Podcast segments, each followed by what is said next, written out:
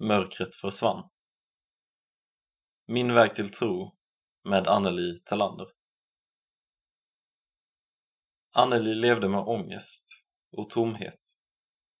Men allt blev annorlunda när Jesus förvandlade hennes liv. När Anneli var liten var hennes mamma med i en sekt som höll på med new age.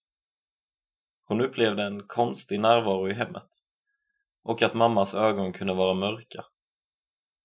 Jag visste att det fanns en andlig verklighet eftersom jag hade sett det. Anneli hade vänner som gick till söndagsskolan och hon började följa med dem. Hon hade en bok om bibeln som hon läste i ibland. Även om hon inte förstod den hade hon någon slags tro på Gud och Jesus.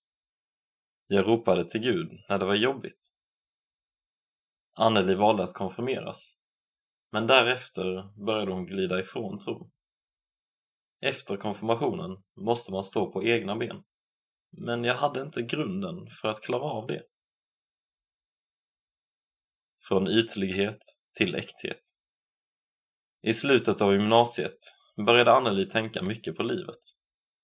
Hon försökte finna glädje i festande, men livet kändes meningslöst och ytligt. Jag var inte på den vägen som Gud ville för mig. Jag fattade det inte då, men kände en tomhet. Tiden efter gymnasiet var fylld av ångest, oro och vilsenhet. En dag träffade Anneli en gammal klasskompis. En populär och skämtsam kille. Han berättade att han blivit kristen. Anneli blev förvånad, men såg att något var annorlunda i hans ögon. Där fanns en frid.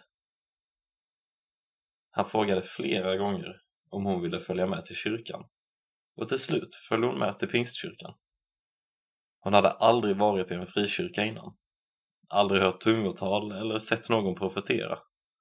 Allt var nytt. Jag minns inte predikan, men jag upplevde en äkthet, att något värmde mitt hjärta. Efter mötet gick Anneli till förbön. När förebedjarna frågade om hon ville ta emot Jesus blev hon rörd och sa ja.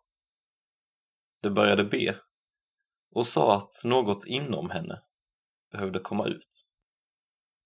Jag öppnade munnen och det bara kom tungotal trots att jag inte vetat vad det var innan. Öppnade ögon. När Anneli gick från kyrkan kände hon att något hade hänt. Det kändes helt annorlunda. Som om mina ögon hade öppnats. Anneli upplevde även att atmosfären i hennes hem förvandlades. När hon började be i sitt hem försvann mörkret hon känt tidigare. Anneli började gå till kyrkan och fick delta i en bibelstudiegrupp. Därefter följde ett bibelskolår. Det har varit en vandring där jag fått växa i tro och ett äventyr där Gud lett mig till olika platser och länder där jag fått dela min tro och det jag upplevt.